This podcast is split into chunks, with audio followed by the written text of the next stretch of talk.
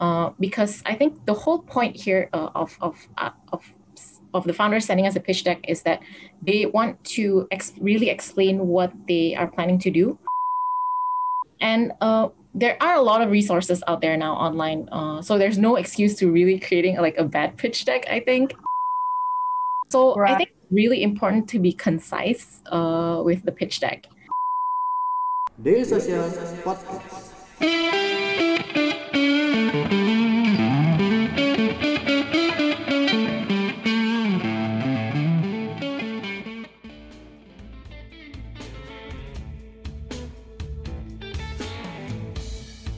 Visi Talks kembali hadir dan kali ini kita akan berbincang-bincang dengan Elsa dari Genesia Ventures. Hi Elsa.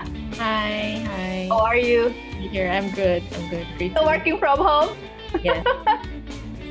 okay. Before we dive in into the discussion, maybe you can introduce yourself. What is your position and what is Genesia Ventures? Sure. Uh, so I'm Elsha. Uh, uh, I am investment manager at Genesia Ventures. So Genesia Ventures is a Japanese fund. So we focus on early stage companies, early stage tech companies uh, in three markets uh, mainly. So that's Japan, Indonesia, and Vietnam. Uh, again, we invest uh, we invest in early stage, so anywhere between pre-seed to pre-series A, sometimes up to Series A rounds. And our initial ticket size is anywhere between one hundred thousand to one million dollars uh, although we are usually more comfortable with anywhere between 100,000 to 500,000.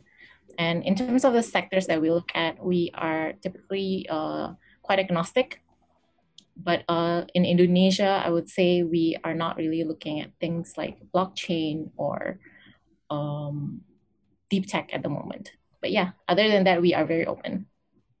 So there's a lot of uh, startups that already including in your portfolio, right? And it's very random. I mean, Bobobox is also one of your portfolio. Is that the kind of startup that you are aiming for, or just like you said earlier, agnostic? What is the category when it comes for you to create the right startup for Genesia Ventures? Yeah, so again, I think we are actually very agnostic. Uh, we mm. cover uh, a lot of different sectors. So, like you mentioned, in our uh, portfolio companies, you can see companies like Logisly and logistics, um, yeah, Qoala in insurance tech, and then we have Bobobox in like uh, travel.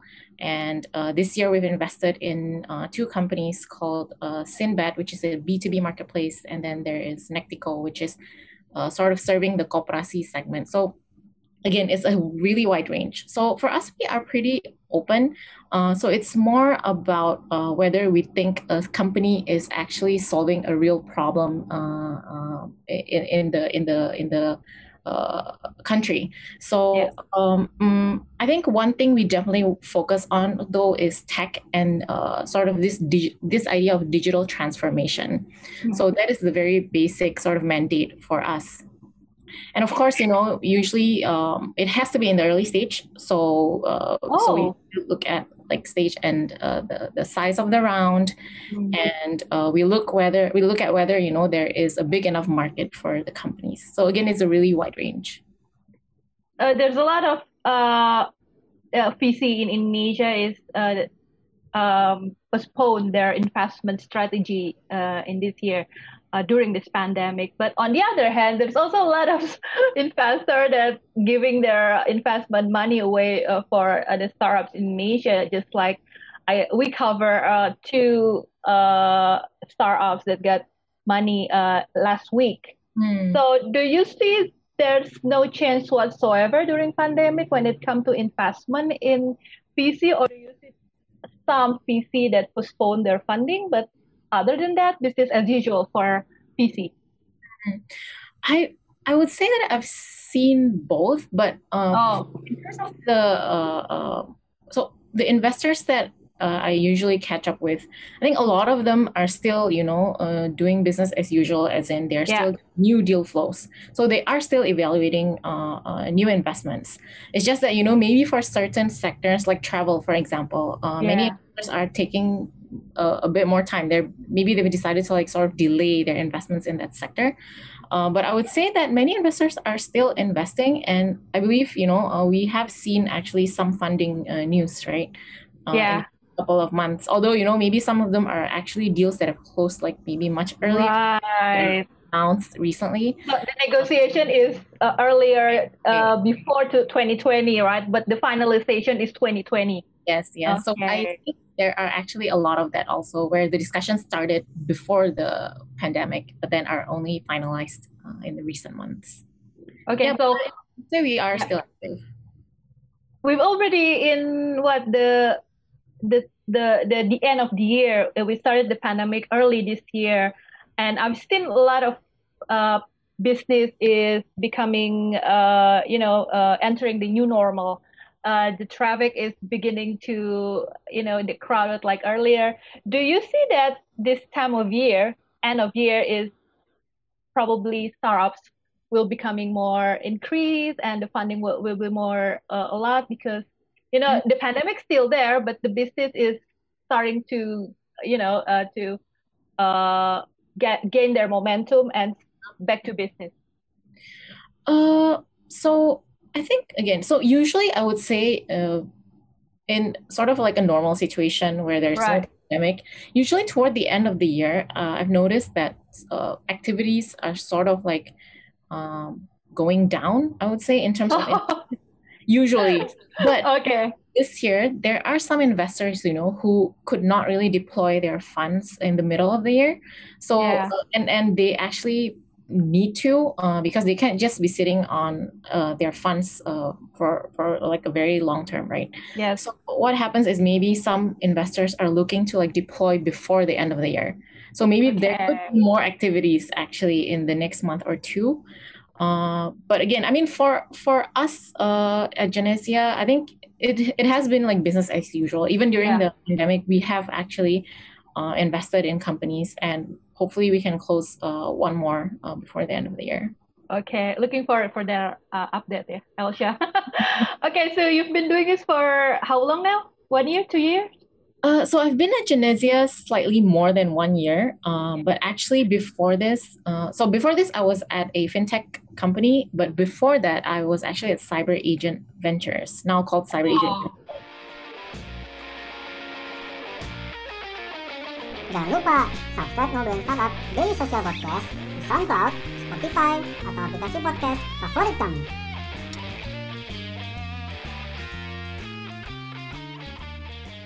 okay Uh, so Yeah. you've met a lot of founders Indonesian founders right Mm-hmm. What is the biggest mistake that they keep doing uh, when it comes to fundraising? So fundraising in general. Um, Yeah. maybe maybe I'll start out with say like okay maybe I'll explain the process a little bit. So what happens is usually if it's an inbound deal, um, Okay. I always request for the deck from the founders first. So I would Yeah. say that is like the very beginning of like the whole fundraising process, right? So I would say that uh, you know after I request for the pitch deck, of course I'll be reviewing like tons of them uh, every every week. Mm. Uh, one common mistake that I've seen uh, with with the pitch decks that I get is that they're not really getting the message across. Uh, because I think the whole point here uh, of of uh, of of the founders sending us a pitch deck is that they want to ex- really explain what they are planning to do uh, to Yeah. get the funding, right? Yeah. And uh, there are a lot of resources out there now online, uh, so there's no excuse to really creating like a bad pitch deck. I think. Uh, Oh, so so I expect like the very basic uh, things like the problem statement, the solution, the market size, revenue model, tractions, founder's background, things like that. Uh, but what happens is sometimes I get pitch decks where I would say 30 to 40% of the content in the very beginning are just describing what's happening in the market without really actually describing the problem itself. oh, So okay. I'm spending a lot of time reading about the market, which Yeah. I might or might not know about already, but then it's not really getting to the point. So I think it's really important to be concise uh, with the pitch deck. And then Mm. um, the next step uh, in the fundraising process, I guess, would be the face to face meeting with the founders. Uh, Right. so I think uh, sometimes there is like uh, the same issue where the founders are not really getting to the point, and uh, I end up spending quite a lot of time. Usually I set like an hour for a call. So I spent I, I end up spending a lot of time asking questions to try to probe and see uh, what is it really that you're trying to do. Wow. So, so yeah, I think that's frustrating, right? Yes, yes. As a VC. because I think it's, it's not I mean it's wasting everyone's time, right? Yeah. Uh, we're not really getting to the point here and the goal yeah. is we want to look for great companies and great founders. And I'm sure okay. founders want to get funding, but it's not really helping if if you're not getting the message across. So the the best thing that they can do is uh, straight to the point, but uh, with the complete data and research, right? Not just uh, a big explanation. What is our startup? What is the now? But you guys didn't didn't get the the the right uh, information uh, when it comes to pitch deck. Okay, interesting. So there's a lot of uh, VCs that having trouble uh, during this pandemic when it comes to uh, pitch deck uh, online, virtual meeting online, because there's a lot of accelerator uh, incubator program and demo day done uh, via Zoom, via Google Meet, and also a pitch online. Do you see the, the pitching via online is not that precise thing to meet startups or doesn't matter whatsoever? How do you think about that? For one-on-one meetings, so far yeah. I don't have any issues to be honest, especially for the first meeting, right? Because content wise, uh, I think it's the same whether you deliver it in person or you deliver it uh, uh, virtually. Face to face, yeah. Right, right. Uh, but um, I would say usually maybe if we meet uh, in person with the founders, we sort of get to understand maybe the per- their personalities a bit better. But again, I, I think for us, uh, we have been able to sort of transition to this whole completely virtual process, uh, and we are actually making the investment. So, yeah, I think I think overall there's not too much of an issue. And in terms okay. like pitching events, though, mm. I would say. Um, maybe now uh, there's it's it's become a lot more structured probably and uh, there is some sort of flexibility uh, for event organizers right maybe they can pre-record things so that it's smoother right. you know things like that there's there's a bit more flexibility uh, as compared yeah. to like a live pitching event so yeah. I, there's like there's like probably like pros and cons to it but yeah things have been working really well for everyone it seems but it doesn't matter for Genesia Okay. quite flexible. Last questions. Um, what do you think the startup rise after the pandemic? Uh, do you see uh, e-commerce or logistic or health tech or edutech will be the uh, rising star after the pandemic, or do you see business as usual? Uh, as usual? I mean, like fintech and other startups that already established during before the pandemic is still growing, even though the pandemic slowing down the business.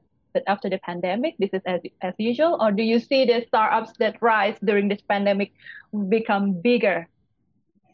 Ah, good question. I've probably thought about that a couple of times myself. Right. I I don't have the answer. uh, to be honest, I can't really predict. I yeah. think it's really interesting though to see, you know, like things like edtech really booming, right? And then yeah. you know, SaaS platforms in general, like globally, it's it's really like booming. Uh, things like mm-hmm. Zoom, for example. Um, I would say some of them will probably keep growing even after the pandemic just because people have formed new habits right? Like for example like in the future maybe i would still you know decide to keep uh, a lot of my majority of my meetings virtual or not i don't know. Uh, so that means that you know platforms like zoom will keep growing. Mm. but say for example take education. Maybe i'm, I'm less sure of that because for example now uh, people are forced to do everything online. Yeah. But maybe after COVID, um, there will be some kind of like a blend, more blended approach, right? Maybe both online and offline, or maybe you know some people just decide that hey, offline is just a better way to go for for us because maybe you know we have really bad connections here. Yeah. So it really depends right. on the sector. Um, okay. Yeah. So I, I don't think there's like a good answer that covers like everyone, but I would say some would keep growing and then others yeah. would we have to find different approaches after the pandemic. I think something that we agree on is Zoom is the the the platform that will rise, right? Zoom is the winner during and after the pandemic. Okay, uh, Elsha, maybe you can uh, share uh, how the startup founders can introduce, uh, can get to know you guys, and how does it take for them to get noticed from Genesia Ventures? Uh, sure. So, I mean, in terms of deal flow, I actually get a lot of inbound deals from LinkedIn. So I, I, I actually, you know, uh, please feel free to like just email me. Right. leave my email on the profile. Uh, Okay. so um, in terms of how you can get noticed, so I actually review every single one. Uh, Right. that I get. Oh, good for you. yeah, Only the title, next, No, next. no, no, no. I review every because I think no, Okay. like founders have made the effort to reach out. Uh, so Oh. Them to also go through every single pitch deck. So Uh, think, uh, again, um, it's going back to being concise. So if if you want to get noticed, like be concise, really sort of. Oh, and of course, you have to understand also. Uh, I mean, as founders, they have to understand like what our basic mandate is. Like I mentioned, it's it has to be early stage, and we are sector agnostic, uh, but we don't really look at things like blockchain or deep tech. So if you are in categories that we are not really looking at, I'm of course going to spend less time and because it's not something we can invest in anyways. But other Okay. than that, I think to, to get noticed, be concise, cover all of the uh, uh, required details like problem, solution, market. Uh, there are a lot of templates out there online that founders can can look at. So yeah, Good okay. so thank you very much, Elsha, for your time. Hopefully, uh, our audience can get in touch with you soon, yeah, because uh, let's face it, there's a lot of startups in Indonesia and they need a lot of funds. and A lot of hopefully, Genes- They're actually available. hopefully Genesia can uh, get more in touch with uh, our startup founders in Indonesia. Thank you for your time, uh, Elsha, and you can go back to work now. Oh, okay, I'll see you soon, okay? thank you. Bye. Thanks. Bye.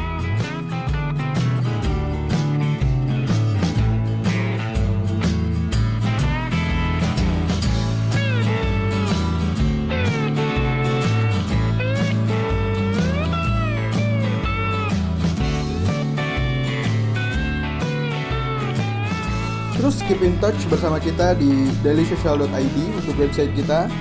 Di Facebook kita ada dailysocial.id, di Twitter kita ada @dailysocial dan di Instagram kita ada @dailysocial.id. Di LinkedIn kita ada Daily Social dan di YouTube kita ada Daily Social.